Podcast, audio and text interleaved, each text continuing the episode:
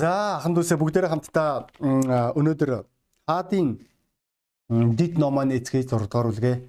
Тэгээд би үндсэн ишлэл уншиж өгөх болно. Тэгээд энэ маань болохоор энэ ишлэлтэй холбоотой хамгийн сүүлчийн номлолоо. За тэгээ бүгдээрээ хамтдаа 8 дугаар бүлгээс 23 дугаар үгүй 6 дугаар бүлгийн 8-аас 23 дугаар ишлэлөө анхаарал хандуулцгаая. Арамын хаан Израилийн Израилийн эсрэгээ тулалдаж байлаа. Тэр өөрийн дүшмэдтэй зөвлөлдөн ийм ийм газруудад миний хоорон байх болно гэв. Бурхны хүн Израилийн хаанд Арамчууд тийшээ очисон тулаа тэр газраар дайран явахаас та нар болгоомжил гэж хэл хөргүүлв. Бурхны хүний өөрт нь заан хэлж мөн анхааруулсан тэр газар руу Израилийн хаан хүн илгээ илгээн сайн хамгаалдаг байв. Энэ нь ганц бус бас хоёрч бус удаа болоход Арамын хаан илгэлгнэж зарснараа дуудан тэдэнд Бидний хэнийг нь Израилийн хааны талд байдгийг та нар надад хилээдэх гэв. Зарсных нь нэг үгүй эзэн хаан минь.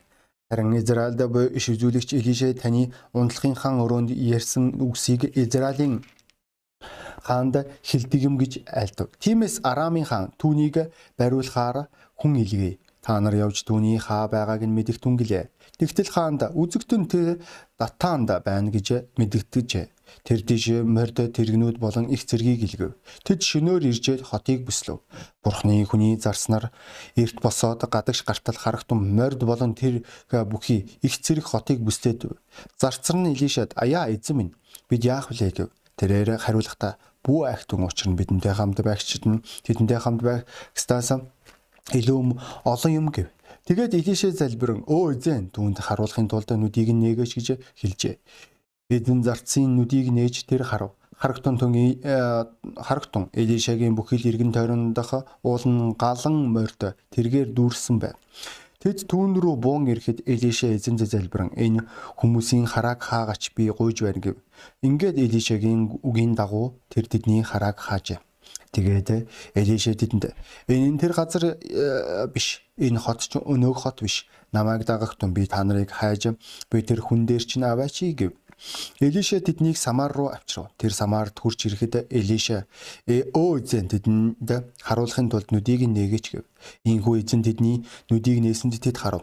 Үзэгтэн тэд Самарын дунд байлаа. Тэгэхэд Израилийн хаан тэднийг хараад Элишад эцэг минь тэднийг алах уу? Би тэднийг алах уу гэв. Элиша хариулахдаа чи олж болохгүй. Чи өөрийн илд өөрийн ном сумаар олзсон хүмүүсийг алах байсан гэж юу? Тэднийг идүүлж уулгаад эзэнд нь явуулахын тулд тэдний өмнө далах ус тавигтун гэжээ. Ингээд тэр тэдэнд зориулан их найрыг бэлтгэв. Эдэж уусныхан дараа тэр тэднийг явуулсан тэд эзэндээ буцав. Арамчуудын дээрмийн бүлгүүд Израилийн нутаг руу дахин халтаж ирсэнгүй гэдэг энэ ишлэл байгаа үү. Энэ ишлэлтэй холбоотой бид нар хэд хэдэн номлуудыг та бүгд сонссон гэдгийг ойлгож байна. Тэгвэл өнөөдрийн номлын үндсэн санаа бол удирдахчаас буюу бидний дээр байгаа удирдахчдаас биднэрт хурж ирэх ерөөлийн талаар би та бүгдэд ярмаар байна. Яг тэгвэл маргаангүй тийм үү Элиша бол яхаарахгүй энэ хааны хувьд бурхны ерөөл. Хэрэг олон итгэгчнэр өнөөдөр өөрсдийн дээр байгаа удирдахчид буюу пасторуудыгаа бурхны бэлэг гэж хардгийг би мэдэхгүй. Гэхдээ энэ зүйл хэрвээ таны итгэлийн амьдралд эрүүлэр байдаг бол яа харахгүй маргаангүй та бүхэл бүсүүддээ өрөөгдөх нь лавтай. Гэхдээ харамсалтай нь бид нэр ямар нийгэмд амьдарч байгаа вэ гэвэл бид нэр эсэргүүцлийн нийгэмд амьдарч байгаа. Энэ эсэргүүцлийн нийгэм маань эхнээсээ эхлээд байсан гэдгийг та бүгд санаж байгаа. Анх Адам, Ева хоёр маань тэднэр бурхны эсрэг боссон тийм үү? Тэднэр бурхнаа бурхнаас илүү мэрэгэн ухаантай байхыг хүссэн, тэднэр бурхан шиг болохыг хүссэн ба. Гэхдээ энэ оролдлого нь тэднийг улам илүү аимшигтай хараал руу аваадсан та бүгд мэдэж байгаа. Тэднэр үүнээсээ болж өөрсдийн үр үдмэ хараас анхны Адамаар хараал ирсэн бол хоёр дахь Адамаар ерөөл бидний амьдралд бурхан үнэхээр бидний амьдралд нэгүсэл буулгаагүй байсан бол Есүс Христ энэ дэлхийд дээр мэдлээгүй байсан бол Бурхан анханасаа эхлээд энэ авралын төлөвлөгөөгөө хэрэгжүүлээгүй байсан бол биднэрт ямар ч найдвар байхгүй байсан гэдгийг та бүгд мэдчихэж байгаа тийм үү? Өнөөдөр энэ нийгэмд өнөөдөр маш олон хүмүүс маань удирдахчдаа дургүй. Бид нэр удирдлаганд орох дургүй.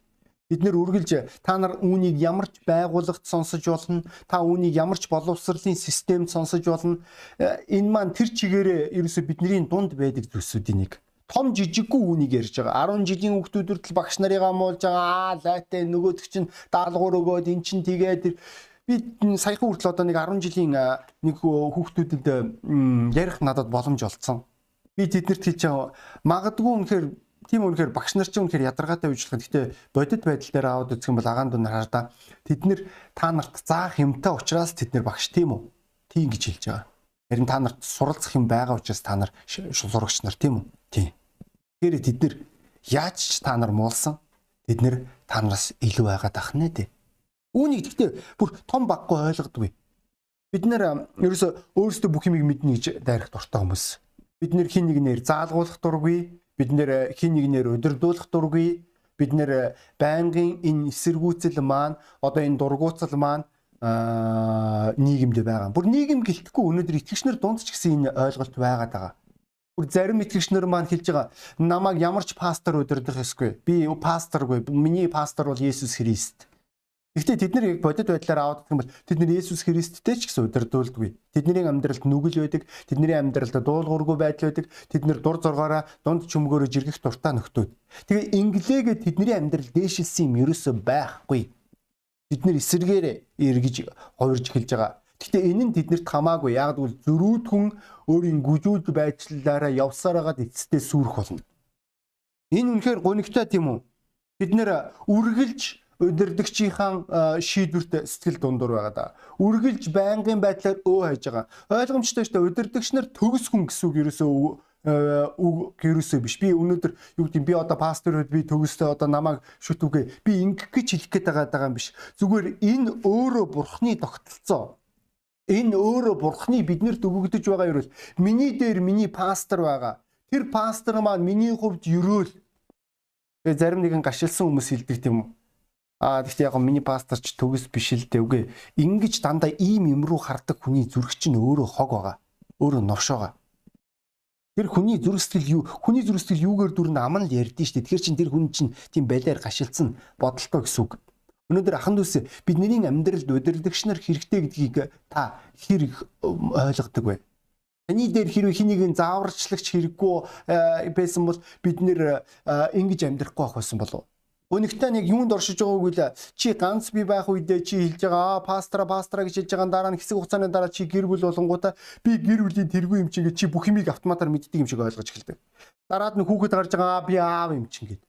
Гэхдээ энэ болгон дээр биднэрт яг аргагүй пастрын удирдлага хэрэг болдог. Пастрын чиглүүлэг хэрэг болдог. Пастор байхгүй бол бидний одоо чи миний амьдралд миний эхнэрийн амьдралд хэрвээ пастор байгаагүй бол манай гэр бүл хизээч оршин тогтнохгүй байх байсан. Яг бол манай гэр бүл өчнөө асуудлууд гарч ирж ийла.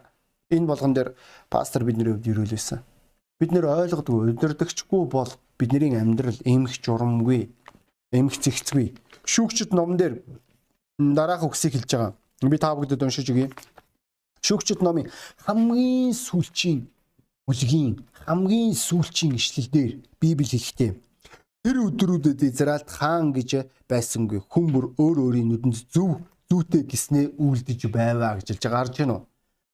Хэрвээ бидний амьдралд удирдахч байхгүй бол хэрвээ бидний амьдралд удирдлага байхгүй бол бид нэр өөрсдийн тархиндаа юун зөв гэж санагдж байгаа тэрэл зүйлсүүдээ хийх болно. Хүн болгон үнийг хийх болно. Хүн болгон өөрийнхөө зүтгэх болно.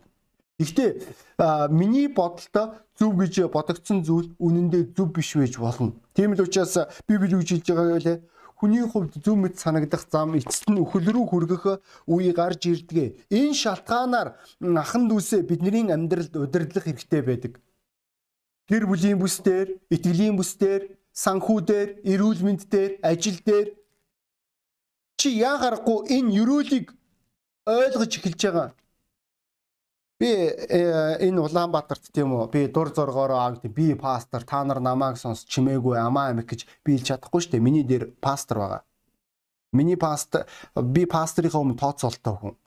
Би сар болгон түүний өмнө тайлаа өгдөг.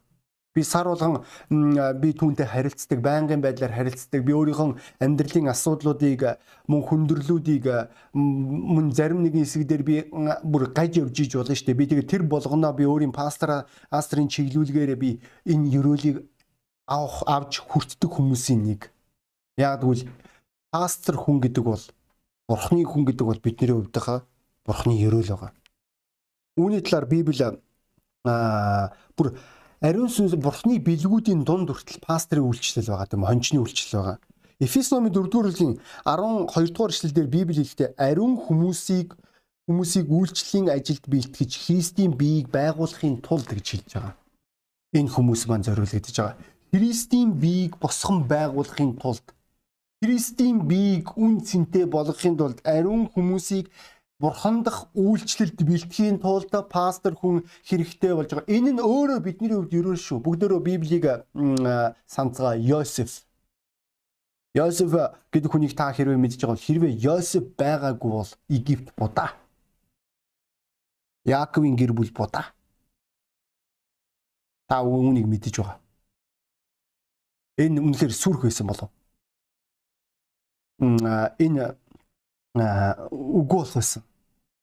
Йосеф мундаг ойлгож байна. Тэр удирдагчаар дамжуулж бүхэл бүтнийг үндэстэн өрөвдөж байгаа. Бүхэл бүтнийг гэр бүл аврагдаж байгаа. За бас мөн бид нэр бүгдөө Библиэлд Моисег санацгаая. Дараагийн удирдагч.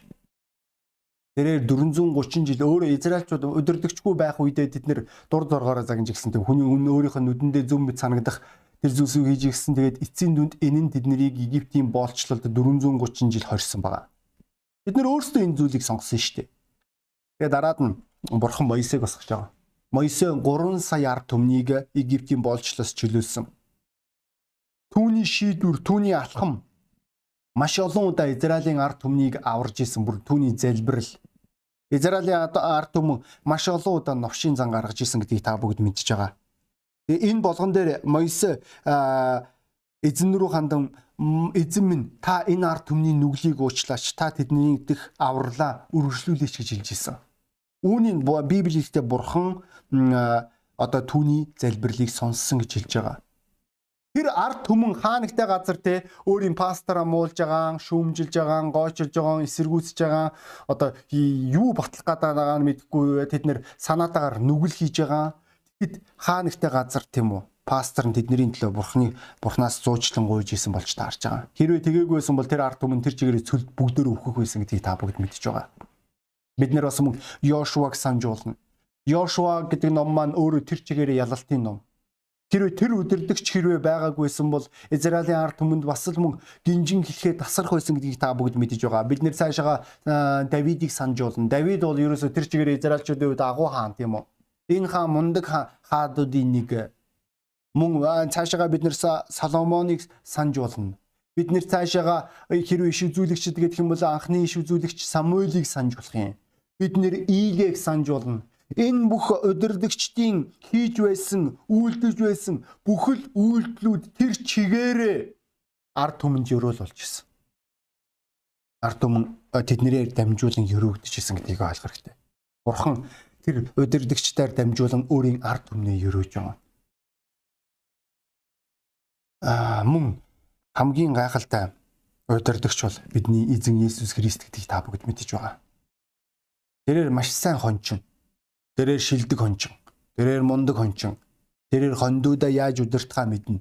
Тийм л учраас Иохан номын 10 дугаар бүлгийн та надтай хамт нэхгүй юу? Иохан номын 10 дугаар бүлэг 9-с 11 дугаар ишлэл анхаарал хандуулцгаая. Библи хэлэхдээ Үүд нь би байгаа юм. Надаар орсон аврагдах болно. Орж гарч бэлчээр олно. Хулгайч зөвхөн хулгаалan алж сүтгэхээр ирдэг. Би тэднийг амьтаа байлгсан амьтаа байлгахын тулд ирсэн билээ. Сайн хонч нь би байгаа юм. Сайн хончин хондийнхоо төлөө амиа өгдгөө гэж хэлж байгаа. Энд чи энэ хэсэг дээр жинхэнэ пастрын зүрх сэтгэлийн талаар харуулж байгаа. Тэрээр хэлэхдээ эзэн Иесус Христ би бол авралын үүд юм аа. Надаар дамжуулж хүмүүс аврагддаг. Хулгаач хулгаалах гэж, сүрүүлэх гэж, хончноос холдуулах гэж, хөлсний ажилчдыг бүрдүүлэх гэж би болдог бол би бол тэднэрт бяцхан амийг өгч нэг юм аа. Өнөөдөр сайн пастор өнөөдөр үргэлж сүмийнхөө хувьд ерөөл байдаг. Энэ чухал болов. Яг яагаад вэ? Яагаад гэвэл пасторд өөрт нь оногдсон үүрэг байдаг учраас. Харж байна бидний нэшлээс энэ Илишя маань хааны хувьд ерөөл болохоос гадна энэ Илишяд оногдсон үүрэг байгаа найснараа Энэ үүргүүдийн нэг бол эхнийх нь яа харахгүй дуучлан гуух залбирал. Энэ бол пасторуудын үүрэг. Заримдаа итгэгчнэр маань энэ залбирлын хүч чадлыг ойлгодоггүй. Бид нэр зүгээр л ингээд одоо өөрсдийн амьдралдаа ингээд энэ бүх зүйлсүүдийг олж аваад байгаа санхүү, эрүүл мэнд, скол, итгэлийн амьдралын бүс, гэр бүлийн бүсүүд дээрээ бид нэр болоод байна гэж бодоод байдаг. Үгүй тийм биш ээ найз нараа. Хин нэгэн та нарын төлөө залбирж байгаа учраас хин нэгэн залбиралдаа та нарын нэрийг эзэн рүү дуудаж байгаа учраас өнөөдөр бидний амьдралдаа сорилтуудыг ялдаг. Бид нэр өөрсдийн амьдралдаа ерөөлүүдийг авдаг байгаа. Хэрвээ энэ байгаагүйсэн бол бидний амьдралдаа бүх юм сүрх байсан гэдгийг та бүгд мэдэж байгаа болов. Миний төлөө миний пасторууд залбирдаг учраас миний пастор Монгол пастор залбирдаг учраас пасторын маань пастор Д Маркс пастор залбирдаг учраас би одоо болтол ингээд э, амьд өнөөдөр э, таны өмнө зогсож байгаа болов. Тэрнээс бол би өөрийгөө шүү дээ. Би өөрийгөө хэн гэдгийг би мэднэ. Би өөрийгөө ямар дутагдлаа, ямар сул талтай гэдгээ би маш сайн ойлгож байгаа. Гэхдээ энэ пастор маань миний төлөө залбирж байгаа учраас би энэ ерөөлийг, энэ хамгаалтыг, энэ ивэлийг би өөрийн амьдралд авж байгаа. Үүний хамгийн тод жишээг бид нэр Лук номын 22 дугаар бүлгээс харж болно. Та надтай хамт нэхгүй. Лук номын 22 дугаар бүлэг. 22 дугаар бүлгийн эзэн Есүс Христ Петр рүү хандан тэрээр хэлж байгаа. Симоно, Симоно үздэгвэ чамайг буудаа мэт шигшгийн шигшгийн тулд сатан зөвшөөрөл гуйсан гэсэн ч итгэл чинь зөвхөрхгүй тулд би чиний төлөө залбирсан чи нэгэн цагт дахин эргэж ах дүүсээ батжуулаа гэж хэлж байгаа. Энд чи эзэн Есүс Христ хэлэхдээ чиний амьдралд сорилт байгаа. Чин чиний амьдрал руу сатан дайрах болно. Чиний амьдралын бүхэл бүсүүд рүү дайрна. Тэр чамааг сөхрөөн. Тэр чамааг шигшин. Чиний итгэлийн чанарыг чинь тэр шалгах болно Тэгтээ санаа зовх хэрэггүй би чиний төлөө залбирсан. Тэгээд чи нэгэн цагт чи бүр сөхөрж болох юм. Тэгтээ босоод тоосоо гөвөөд өөрийн итгэгч ахын дүүсөөд ахын дүүсээ бэхжүүл гэж хэлж байгаа. Өөрсдийн ахын дүүстэй тусал. Өнөөдөр чи ингэх гэж итгэгч чи ингэх гэж бусдын хувьд өрөөл болох гэж чи өнөөдөр бурхан дотор авралаа авсан. Энэ бол үнэхээр гайхалтай тийм үү? Бидний төлөө хин нэгэн залбирж явах Паул маш олон удаа тэрээр хэлж байгаа юм уу? Би бурханд талархлаар мөн та нарыг залбиралдаа би дурсан сандгаа гэж хэлж байгаа. Энэ бол жинхэнэ пастрын үүрэг. Эхний үүрэг. Хоёр дахь үүрэг маань пастрын үүрэг бол яа харахгүй бидний энэ ишлийг харах юм бол тэрээр аюулаас биднийг одоо тодорхойлбол бидний харахгүй байгаад байгаа тэр аюулаас биднийг урьдчилан сэргийлэх үүрэгтэй. Эзэн Иесус Христ өөрийн шавнардаа гэж хэлсэн махан би сул дорой сүнс хүсдэгэ залбираа нэгхэн цаг залбирч чадахгүй та нар надаас урвах болно та нарын амьдралд ийм зүйл болох болно тэд нэр гүрийж байгаа юм тийм үү үргэлж гүрийдэн штэ хүмүүс А үгүй тийм байхгүй пастора. Тийм юу гэж болж идэх. Надаа юм хизээж болохгүй. Юу гэж энэ ийм зүйл байгаа. Үгүй чи хамаагүй ингээд э, чи ингээд санхүүгийн бүс төр ийм бодлогогүй үйлдэл хийгээд байгаа юм бол эцсийн дүнд өнөөдөр чи а гэр бүлдээ асуудал үүсгэн штэ чи өөрийн амьдралдаа асуудал үүсгэн штэ чи ингээ ажилгүй яваад байвал чи асуудал үүсгэнэ чи өөрийн хүүхдүүдэд хүмүүжүүлэхгүй явал асуудал үүснэ. Охин минь чи нөхрийнхөө урдуур ороод чи нөхрийгөө өөрийнхөө хүссэн салбадаа болгох юм бол эцсийн дүнд яг хэрэгтэй үед наад нөхөр чинь чиний хувьд удирдахч байж чадахгүй. Чи өөрөө үндсэн хамгаалалтаа үгүй юм штэ. Яагаад нөхрийгөө чи ингээд одоо нөхрийнхөө хувьд ээж нь болж хувраад байгаа юм бэ? Чи ингэж болохгүй штэ. Чи гэр бүлийнхаа тогтолцоог доктортой байдлыг үгүй хийгээд байна. Хүүхдүүд чи ийм хүүжүүл чи сануулж байгаа чи хэлж байгаа. Тэгээд мөн үүний байгаа чи хад үзэгдэж байгаа. Би үүнийг олон удаа өөрийн амьдралд амсаж байсан. Хүнд ингээл магтаал те саашаагаал чи лаг байна гээл давуу талыг хилээд ах амархан. Хэлэхгүй байж болохгүй шүү дээ бас. Хэлэх хэрэгтэй. Гэтэ нөгөө талаас бас мөн сэрэмжлүүлэх хэрэгтэй үгүй. Чиний энэ шалтгаанаар зарим нэгэн итгэгч нар маань албаар пасторда хэлдэггүй. Яг яагаад вэ? Яг үл тэд нэр мэдж байгаа. Пастор сэрэмжлүүлнэ. Пастор нөгөө л нэг болохгүй бүтгүй юм яар. Нөгөө нэг итгэл мэтгэл гэж яриад идэг. Ясам дээр зүгээр нэг гар утсны 4 саяын утцыг зээлээр авах гэсэн чинь худлаа тэгэл би итгэл авах гэдэг чинь надад гайвуулаад байна. Би нэг нэг уус би байн хоёр хөлөөр явах надад ядаргаат биш би нэг машиныг нэг нэг за явахтай нэг шалахгүй штэ нэг 15 сая үнэтэй нэг машиныг 17 сая үнэтэй машиныг лизингээр авах гэсэн чи ядаргаатын лизинг яриад байгаа. Бижис чимээг байна. Аа пастор одоо угс бас нэг юм бас би өөрөө нэг тийм мөрид тоолох дуртай ч болсон. Хүн чинь бас стрессээ тайлах хэрэгтэй нэг хэдэн коин хөдөлж авах гэсэн чи пастор өглөөд байгаа. Юм болгоомжил болгоомжил бодлоготой бай. Юу аа намааг азийн тэнгэр ивэнэ. Тэ азийн тэнгэр над дээр нисээ түрээд ирнэ үгүй. Тэр тэнгэр чи аль хэдийн чамаас нисээ яваад өгсөн шүү дээ. Тийм учраас чи нүгэлдээ живээд энэ сүм дурж ирсэн шүү дээ найз минь. Ойлгож ийн ярьж байгаа. Өнөөдөр үүнийг ойлгох хэрэгтэй болов. Пастор үргэлж сэрэмжлүүлдэг. Мөн нөгөө талаас дан сэрэмжлүүлэх биш. Гурав дахь түүний үүрэг бол зааварчлага чиглүүлгийг өгдөг. Хэрвээ энэ зааварчлага чиглүүлэг хэрвээ энэ мэрэгэн ухаантай энэ удирлах хэрвээ байгаагүй бол тэр хаан хизээч а өөрийн амьдралдаа өөрийн ард түмэнд амар тайвныг олж авахгүй байсан болов. Энэ шалтгаанаар хүртэл Паул маш олон удаа загтлуудыг сүмүүдэд бичиж байгаа бид нарыг зэмлэх үедээ зэмлж байгаа, сэрэмжлүүлэх үедээ сэрэмжлүүлж байгаа, урамшуулах үедээ урамшуулж байгаа бас нөгөө талаас чиглүүлгийг өгж байгаа. Та нар ингэх хэрэгтэй. Та нар ийм үйлдэл хийх хэрэгтэй. Паулын загтал гэдэг чинь өөрөө тэр чигээр удирдлах чиглүүлгийн загтал байгаа. Энэ л үгсүүдийг пастор хүн өөрийн итгэгч ахан дүүстэй өөрийн хондод руу чиглүүлдэг гэдгийг та бүгд мэдж байгаа болов уу? Энэ бол пастрын үүрэг. Зүгээр нэг одоо дан сэрэмжлүүлэх биш. Мэргэн зөвлөгөө өгөх. Мэргэн удирдлагаар дайдах тэр ухааныг пастор тэр итгэгчнэрт өгж байгаа. Энэ шалтгаанаар бүр дөнгөж гэрэлсэн хосуудад хүртэл яг аргагүй пастрын хувьд зөвлөгөө өгөх хэрэг гардаг. Эхний жилдээ томоохон хэмжээний худалдан авалтыг бити хийгээрэй битгий өр зээлэнд ороорой. Хэрвээ та нар итгэлээр амьдрахыг хүсэж байгаа бол та нар итгэлээр амьдрах хэрэгтэй. Хэрвээ та нар нэг эхнээс эхлээл юмыг ламбард нь тавиад сурчих юм бол ламбард нь тавих болно. Хэрвээ та нар байнгын зээл аваад лизинг аваад сурчих юм бол та нар энэ аргаараа л асуудлыг шийдэх болно. Та нарт энэ үед ямар ч итгэл хэрэггүй. Харин та нар жинхэнэ итгэлээр амьдрах гэж байгаа бол та нарын амьдралд ойлгомжтой санхүүгийн хүрэлцээгүй байдлаар нь та нарын амьдралд орон байрны асуудал орж ирэх болно. Та нарын амьдралд хоорондын харилцааны асуудал орж ирэх болно. Та нарын амьдралд ажил төрөлдөр ч асуудал. Энэ болгон дээр өнөөдөр хэрвээ та нар бурханд найдаж сурахгүй бол хэрвээ та нар залбирлаараа ялалт байгуул сурахгүй бол дараад нь дурсах, санах ярих юмгүй болж хувирна шүү. Тин ч өнөөдөр итгэгч ахын дүүсээс одоо би үгийн тэдий лилинг аваад би тэгсэн ингэсэн гэж ярьдгүү шүү дээ. Эн чинь нэг тийм бахархаар өнгөрөхөр зүйлсүүдийн нэг биш. Тэгэд энэ болгон маань өнөөдөр энэ асуудалтай хүмүүсийн хувьд өнөөдөр энэ маань үнэхээр аимшигтай сонсогдож байгаа болов. Өнөөдөр найз нь би ойлгож байна. Тэгвэл одоо тэхэл болчих гэсэн үг. Одоо бурхны үгэнд итгээд бурхны үгийн дагуу амьдарч эхлэх гэсэн үг найз минь. За тэгээд гурав дахь миний ярихыг хүсэж байгаа маш хурдан яриад дуусгахыг хүсэж байгаа зүйл малгар юу гэвэл таны хандлага. А бурхны бэлэгт яг яаж ханддаг вэ?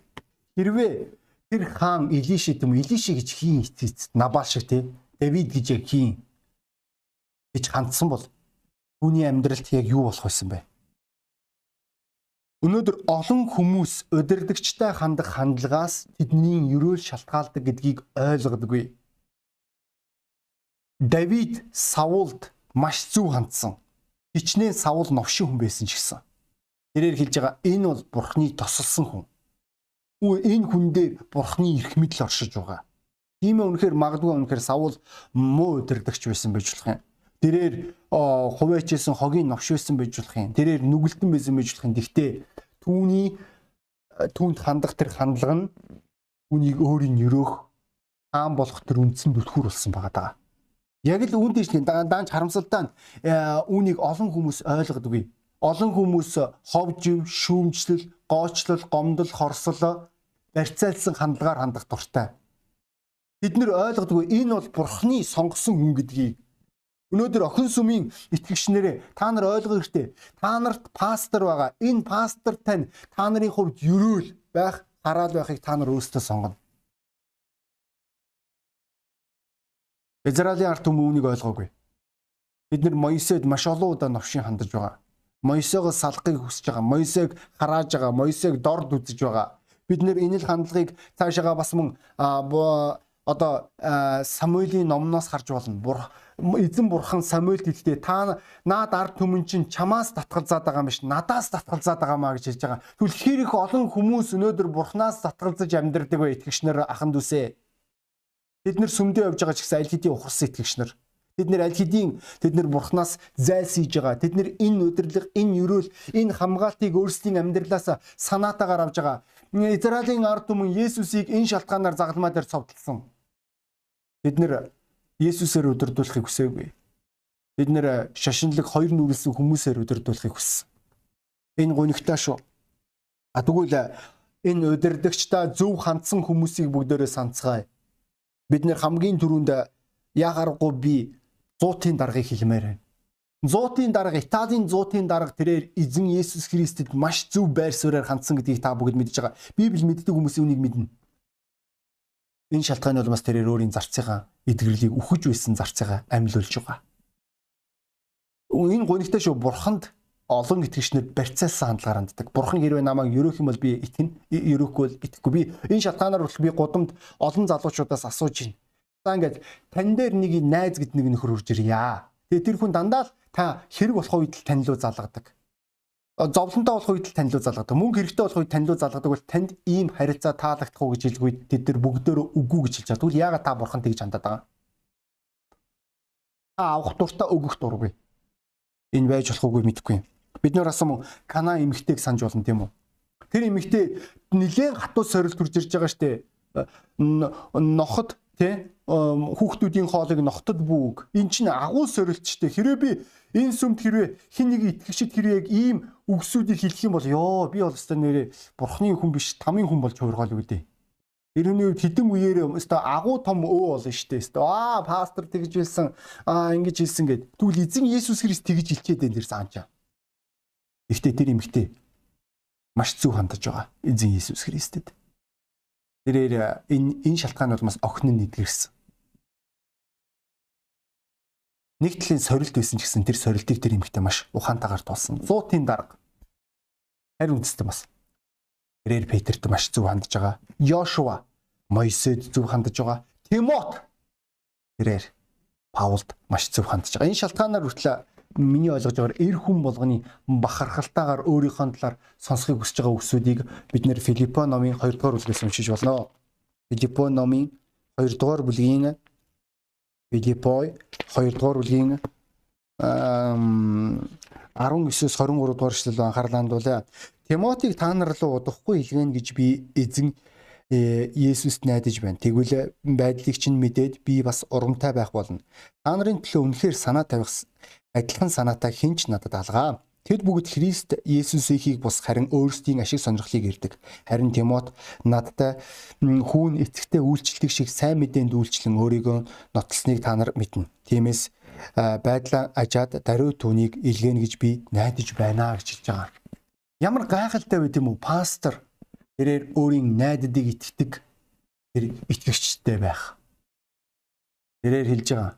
Би тэр залууг илгээнэ би тэр охиныг илгээх бол яг гэвэл бүх хүмүүс Христийн яг биш өөрийн хувийн эрх ашгийг ирж хайдаг. Гэтэ энэ залуу энэ охин тийм биш. Тэрээр маш зөв сүнстэй. Тэрээр маш зөв а хандлагатай. Энэ шалтгаанаар тэрээр Тимот маань пастор болсон болов. Тэрээр бусдын хувьд хончин болж хувирсан. Үүгээр бид нэг зүйлийг мэдэж болно. Хончид зүгээр сонгогддоггүй. Учир нь бурхан зүрх сэтгэлөө хардаг учраас. Тэр хончин 40 дутагдал байж болох юм. Гэхдээ түүнд зүрх бий. Түүний зүрх өөрийн хондынхон төлөө зохилдог. Тэгээд өнөөдөр бидний удирдахчтай хандах хандлага маань өөрийн пастортай хандах хандлага маань бидний амьдралыг шийддэг болох нь ахна үсэ. Бид нэр энэ түүхийг харж болно. За тэгээд хүн болгон толгоо удаалгаад нүдэн ханаасаа гэж хүсэж байна. Би та бүгдийг энэ өглөө шийдвэр гаргаасаа гэж хүсэж байна. Магадгүй та охин сүмийн итгэгчийн номлыг сонсож бол та өөрийн пастортай хандах хандлаган дээр шийдвэр гаргах хэрэгтэй. Учир нь пастор хүн гэдэг бол бурхны бэлэг. Энэ ариун сүнсний бэлгүүдийн нэг гэдгийг та бүгд мэдж байгаа. үүн дээр хин нэгэн хийргсэндээ том толгойтой нэг залуу өөрийгөө би пастор гэж хэлж байгаа юм биш. Энэ бол бурхны сонголт байдаг. Тэгвэл энэ өрөөлийг та өөрийн амьдралд авч байгаа юу? Эсвэл та энэ өрөөлөөс холдон явж байгаа юу? Тэгвэл магадгүй та өөрийн амьдралд гаргалыг авч байна. Энэ нь чухал болов бидний амьдралд. Би та бүгдийг энэ өглөө шийдвэр гаргаасаа гэж хүсэж байна. Та бүгдийг өөрийн зүрх сэтгэлээ цэвэрлээсэй гэж хүсэж байна. Та бүгдийг өөрийн зүрх сэтгэлээ шулуутгаасаа гэж хүсэж байна ахын дүүсээ. Өнөөдөр таны өөрийн пастортай хандах хандлага ни хувьд ерөөл байх, хараал байх шгийг шийднэ гэсэн үг найснараа. Тэгвэл пастороос хурж ирэх ерөөл найснараа. Учир нь бурхан та бүгдийн зүрхийг харж байгаа. Таны түүний сонголтонд хандах тэр хандлагыг харж байгаа. За тэгээд э, магадгүй та энэ номлыг анхудаа сонсч иж болох юм. Танд аврал хэрэгтэй бол би таныг аврагдаасаа гэж хүсэж байна. Учир нь таны амьдрал дах нүгэл таныг тамруу аваач болно. Тэгвэл бурхан таныг тамруу яваасаа гэж хүсэхгүй байгаа. Энэ шалтгааны улмаас тэрээр өөрийн цорын ганц хүүгээ таны нүглийн төлөөсийн төлөө миний нүглийн төлөөсийн төлөө өгсөн. Үүгээрээ бид нэр бурханы авралыг авах боломжтой. Та энэ авралыг өөрийн амьдралдаа авахыг хүсэж байгаа бол та биднэртэй холбоо барьж болох юм бид нэр танд туслахтаа таатай бол энэ энгийн гимшлийн залбирал байгаа. Мөн энэ залбирлын загварыг та мөн өөр номлуудаас YouTube-ийн бидний өөр номлуудаас сонсож болон төгсгөлөөсөн. Би таныг шийдвэр гаргаасаа гэж хүсэж байна хайсан. Бурхан таныг ивэг. Би тэгээд дуудлага өөрчлөе. Итгэгч аханд үсэ. Бид нэр итгэлийн амьдралаар амьдарж байгаа болохоос бид нэр хоёр нутагтан амьдралаар амьдраагүй. Бид нэр өгөх амьдралаар амьдарж байгаа болохоос бид нэр авах амьдралаар амьдраагүй. Та үүнийг л ойлгосоо гэж хүсэж байна. Тэгээ бүгдөө номлын төгсгөл залбирцгаая.